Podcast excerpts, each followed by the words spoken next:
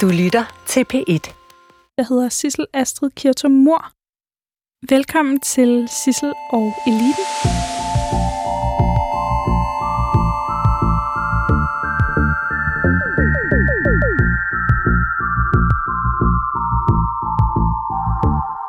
Maj Villersen, velkommen til Sissel og Eliten. Tak for det. Jeg er jo gået i gang med noget helt nyt. Jeg er gået i gang med at undersøge den politiske elite. Mm. Fordi jeg måske godt kunne tænke mig at være en del af den, men jeg ved ikke helt, om jeg tør. Nej, det kan også være lidt frygtindgydende. Ja, og det er det, vi tror, vi skal tale om i dag. Fordi du er jo... Jeg hader at sige det her, og kalde dig for den nye pige i klassen. Du er ikke den første. Nej. Forhåbentlig bliver jeg den sidste, Ja, der ja. siger det. Så vi er lidt i samme båd jo. Bortset fra, at jeg ikke er politisk ordfører for et parti. Ja.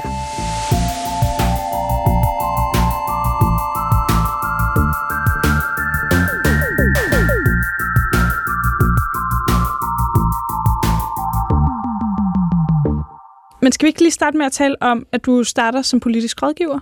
Jo. Og så bliver du valgt ind Ja. til Folketinget. Ja. Hvordan er det spring? Jamen, ja.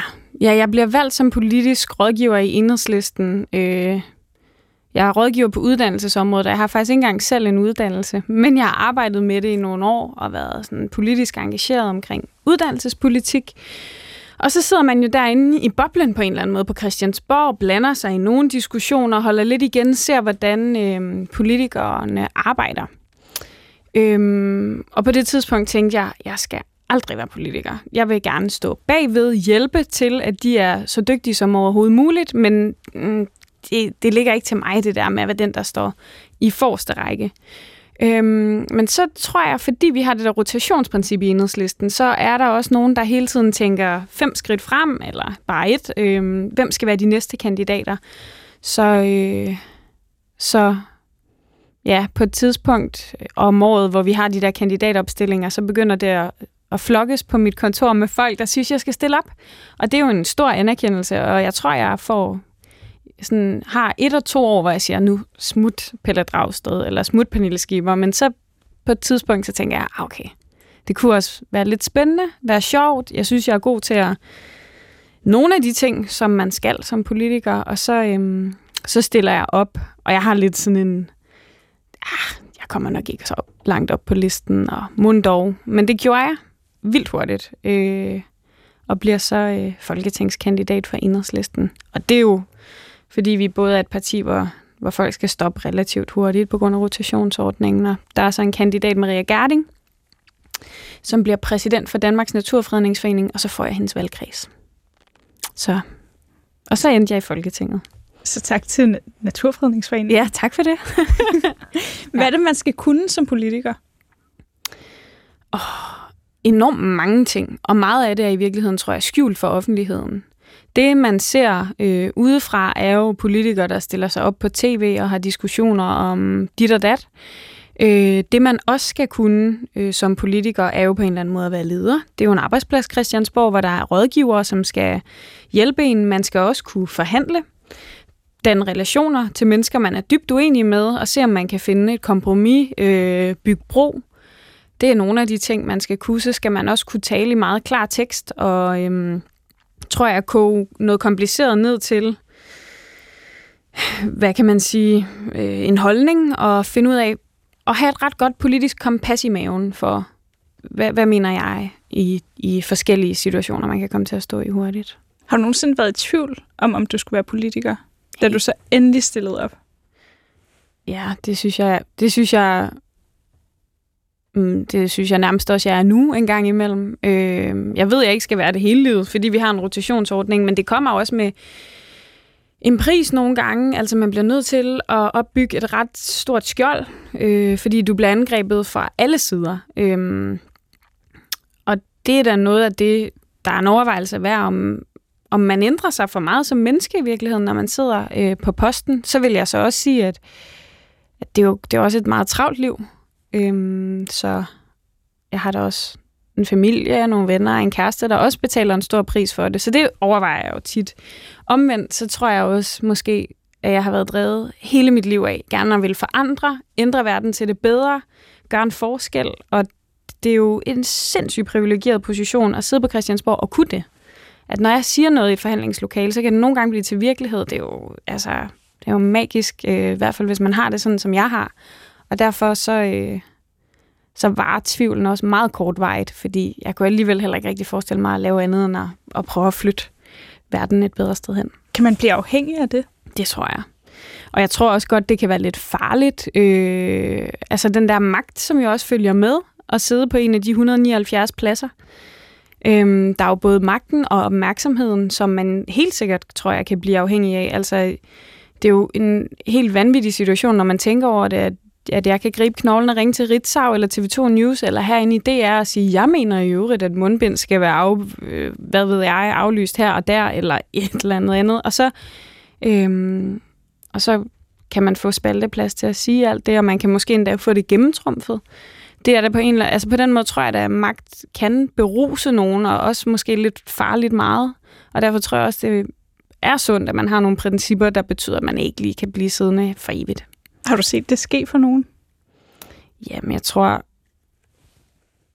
Jeg tror også faktisk, at i en situation som min, så bliver man også behandlet på en særlig måde.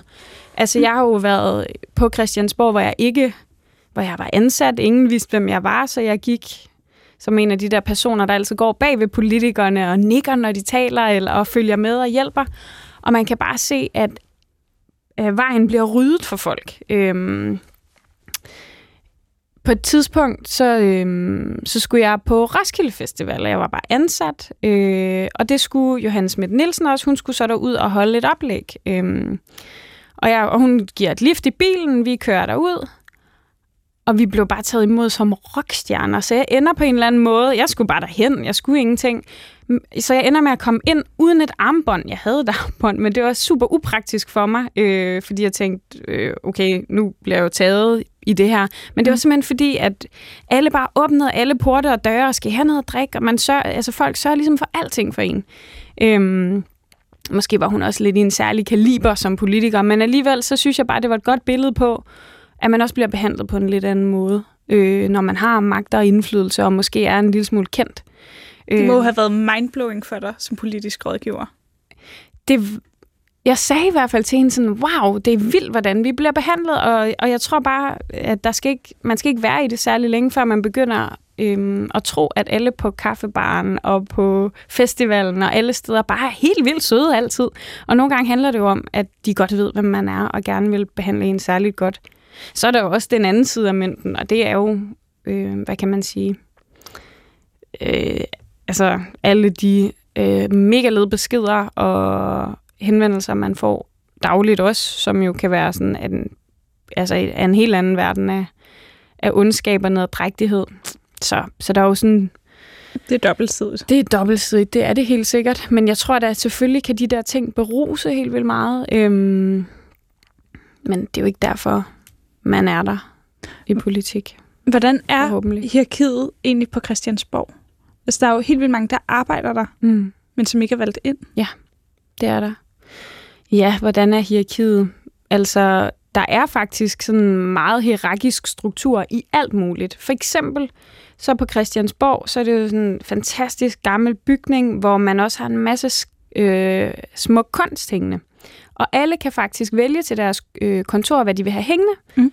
Men det er politikerne, der kan vælge det allerbedste kunst. Så der er i kunstlokalet, hvor man kan vælge, hvilket er et privilegie i sig selv, så er der simpelthen struktur og hierarkier alt efter, øh, hvor høj en position du har. Hvad kan du så vælge? Også hvor høj en position du har i partiet internt? Ja, også det. Ja, gruppeformand, formand, øh, formand for Folketinget. På den måde er der også øh, en hel masse sådan nogle ja, øh, skøre hierarkier, som, som også bare eksisterer på Christiansborg. Men altså helt, helt generelt så arbejder der jo rigtig mange derinde. Der arbejder rigtig mange i administrationen. Jeg tror, det er den vildeste arbejdsplads i Danmark i forhold til at blive serviceret på alle tider af døgnet, hvis din telefon ikke fungerer, hvis der er et eller andet, der går galt, fordi det er jo folkestyret, man servicerer. Der er, der er ansatte til at hjælpe med alt muligt. Hvad er det mærkeligste, du har fået hjælp til? Åh, det mærkeligste, jeg har fået hjælp til. Jeg tror faktisk ikke rigtigt, jeg har et særligt sjovt eksempel, desværre. Det er okay. jeg prøver også at, øhm, og ikke bede om hjælp til særlig meget, for jeg kan få det sådan helt skidt over, ej, og I behøver slet ikke, og nej, nej, I skal ikke gøre noget særligt for mig. Men det gør man, altså, og det gør de jo, fordi de er enormt optaget af, at man, øhm, ja. At man fungerer som arbejdende ja. menneske. Og det er jo klart, sådan skal det også være. Det der skjold, du talte om, som man bygger op, Mm. hvordan gør man det? Hvornår gik det op for dig, at du var i gang med det? Jeg tror, jeg så det ske for folk omkring mig, før jeg selv blev politiker. Øhm, fordi når du står i fronten for et parti, så tager du jo alle skraldene. Øh, både internt og eksternt. Der er jo også altid mange diskussioner i partier om, om linjen er det rigtige, om vi skal mene noget andet, om der er blevet sagt nok om ghetto-loven, eller alt muligt forskelligt. Og, øhm, og, og der tror jeg på en eller anden måde, man bliver nødt til også nogle gange at trække et panser op, og for ikke at blive for såret. Øhm, og det, øh, og det tror jeg også godt kan gøre en lidt hård som menneske nogle gange. Og man skal passe på med ikke også at tage det med hjem. For på et tidspunkt så tænkte jeg også, jeg tror ikke, det har så meget med panser at gøre, men der, øhm, altså man, man får også et særligt sprog, og det lagde jeg ikke så meget mærke til. Men når du sidder og holder møde med en minister og siger, jeg synes, det skal være sådan og sådan og sådan, så kan de finde på at sige, ja, det er noteret. Mm. Og så sagde min kæreste på et tidspunkt, om jeg ikke lige ville vaske op eller et eller andet, og så tror jeg på et tidspunkt, jeg fik sagt, ja, det er noteret.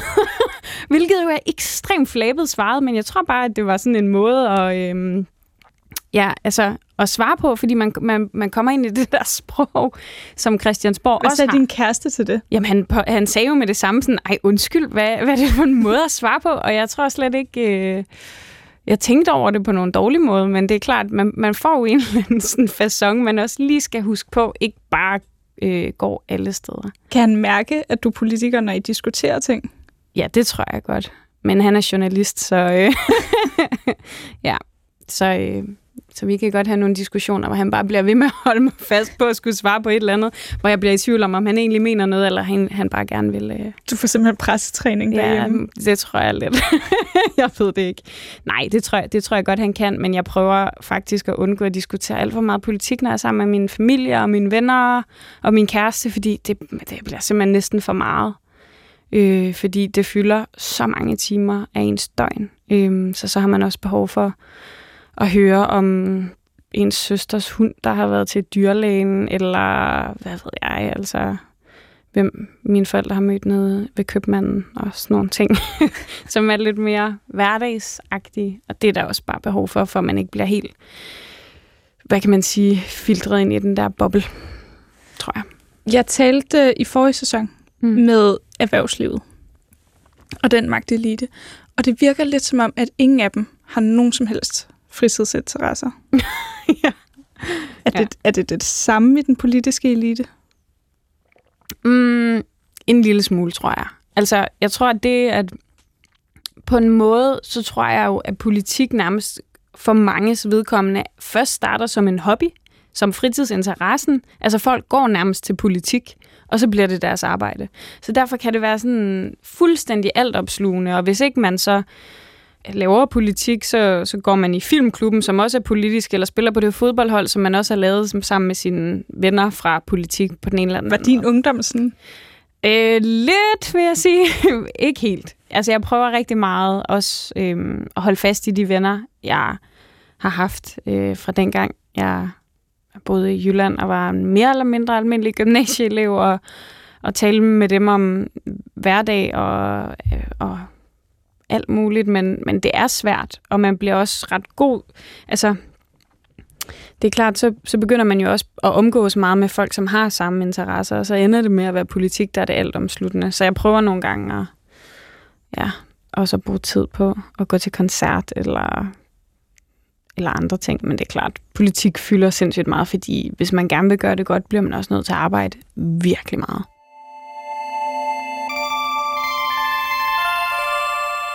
Hvad betyder øh, netværket i det politiske arbejde? Mm. Jeg tror, det betyder helt ek- ekstremt meget. Det betyder rigtig meget for, at man får mulighed for at stille op i første omgang, øh, mm. som folketingskandidat bliver valgt. Så derfor så er det at være god til at bygge relationer øh, med folk og og den net- netværk på den ene eller den anden måde, det tror jeg er rigtig, rigtig afgørende. Det er det også på Christiansborg. Jeg kan da mærke, at nogle gange er det meget lettere at lykkes med nogle øh, forhandlinger. For eksempel har jeg jo været klimaoverfører før i tiden, og jeg har en rigtig øh, god relation til Mette Appelgaard fra de konservative. Vi er meget uenige om mange ting, men man kender efterhånden hinanden ret godt og har det hyggeligt, og kan også godt lave ting, som ikke sådan, har så meget med politik at gøre. Og så Hænger I ud privat? Øhm, en lille smule faktisk, ja. Nej. Ja, nu får jeg... Hvad fanden laver I? På kummet. Jamen, det ved jeg ikke. Drik, bare drikker en kop kaffe også, og ja, går en tur, og ja, det ved jeg ikke, snakker lidt om alt muligt andet. Fordi man har jo også på, man er på en eller anden måde også lidt skæbnefælder i det at være på Christiansborg, og have et, et liv, som kan være øh, enormt intenst i, øhm, i ens parti. Så derfor så, så er det meget rart nogle gange at så snakke om andre ting, og hvordan det kan være lidt hårdt, og, eller sjovt, eller svært øh, med nogen, som er fra et andet parti. Nå, men vi i hvert fald, altså fordi vi har en relation, jeg tror, den kom, fordi vi var i samme valgkreds, så vi har diskuteret rigtig meget, og I har set hinanden til alle møderne. Ja. i en periode så jeg hende ekstremt meget øhm, under valgkampen, og så, øh, og så, så betyder det jo bare, at inde i det der forhandlingslokale ved man også, hvor hinandens smertegrænser er, så kan man lige sende en sms om, hvis du går herhen, så går jeg herhen, og så mødes vi der. Øh, på man midten. det, mens man sidder og forhandler sig? enormt meget. Ja, det gør jeg i hvert fald meget. Så Hvordan foregår en forhandling?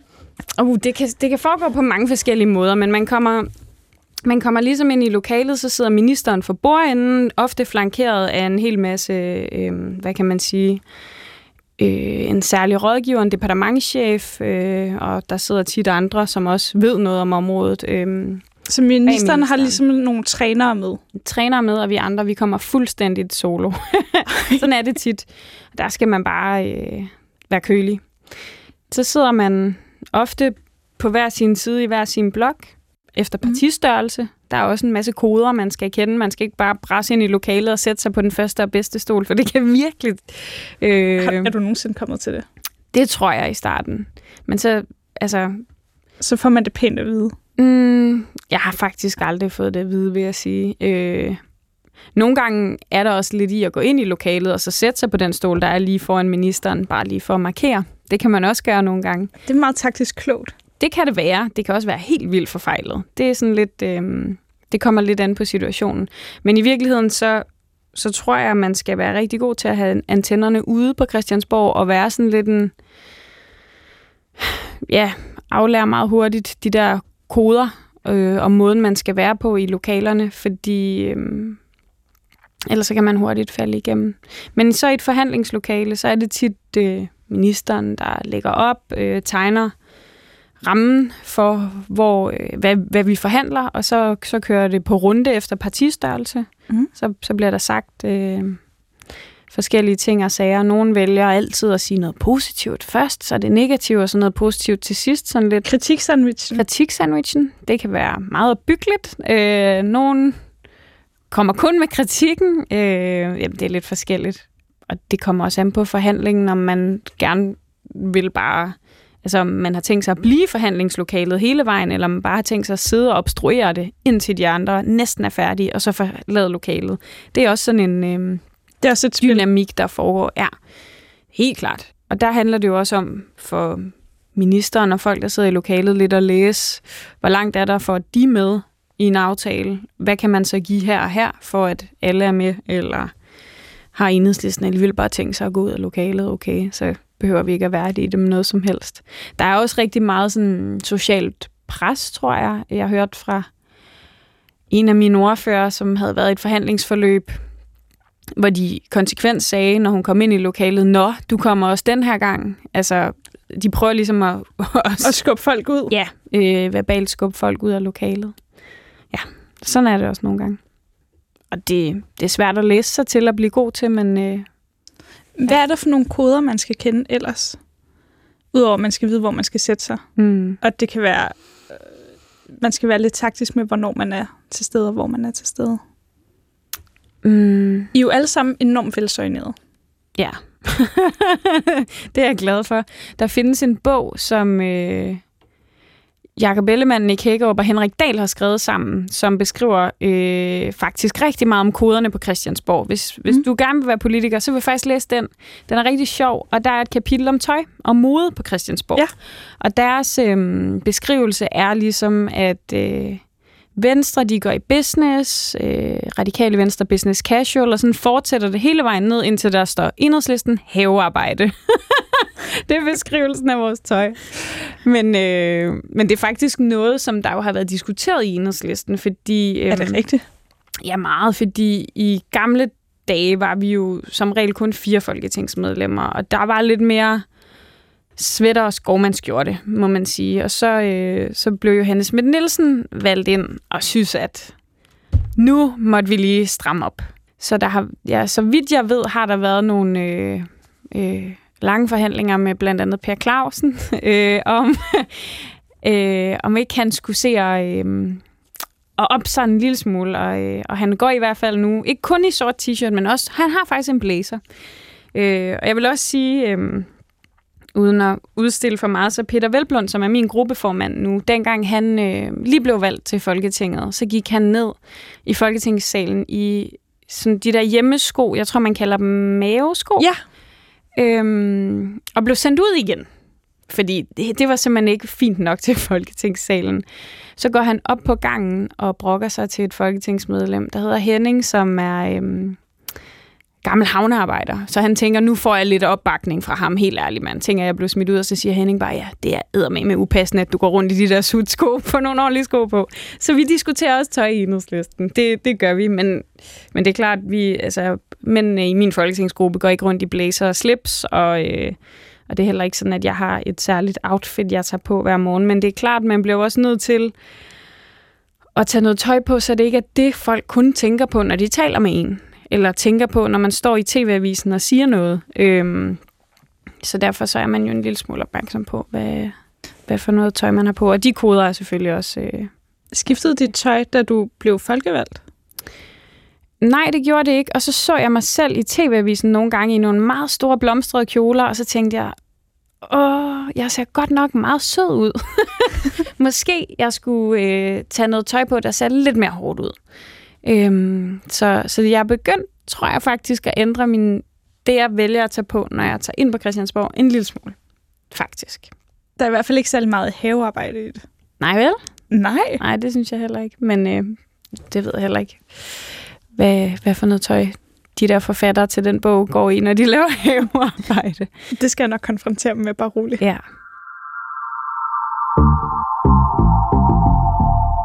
Hvis man nu skulle starte som politiker, Mm. hvor, hvor begynder man så henne?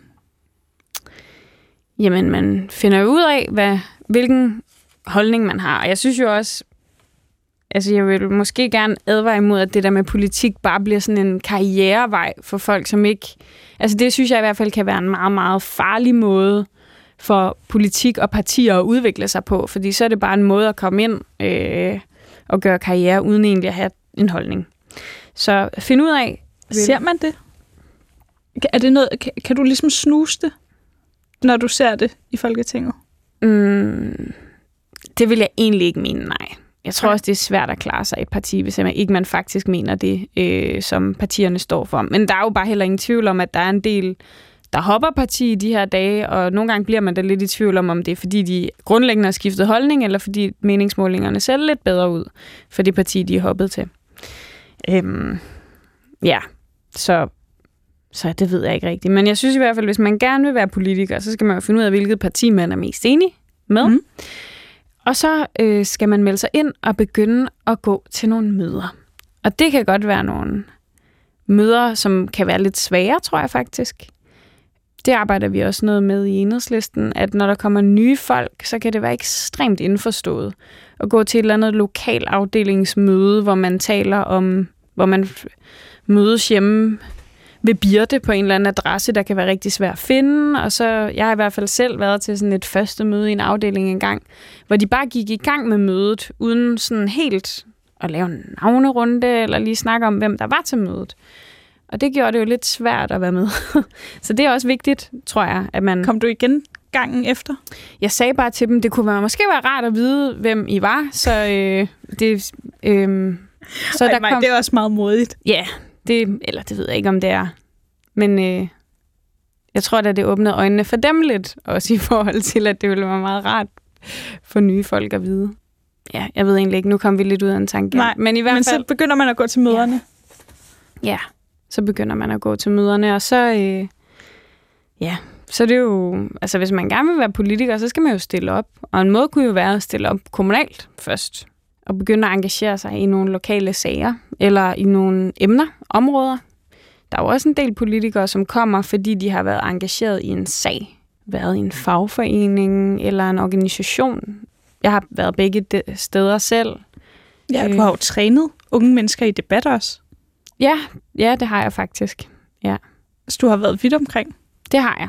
Det har jeg. Jeg har lavet faktisk en del også uddannelse af unge, der gerne vil stille op som tillidsrepræsentant på deres arbejdsplads, og arbejdet meget med med det der med i virkeligheden at turde udtrykke sin holdning i et rum, hvor man måske er den yngste eller den med mm. mindst erfaring.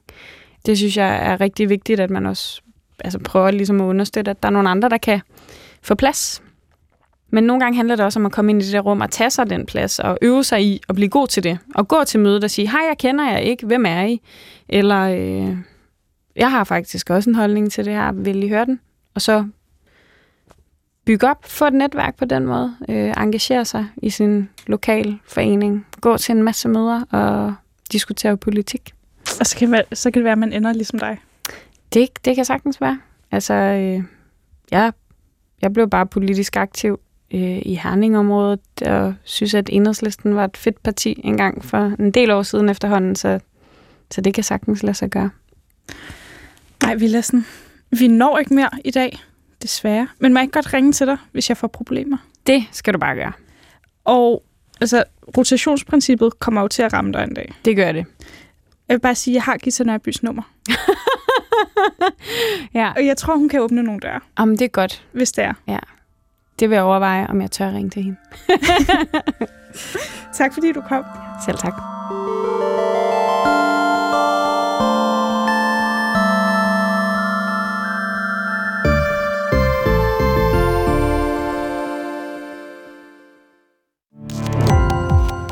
Gå på opdagelse i alle DR's podcast og radioprogrammer. I appen DR Lyd.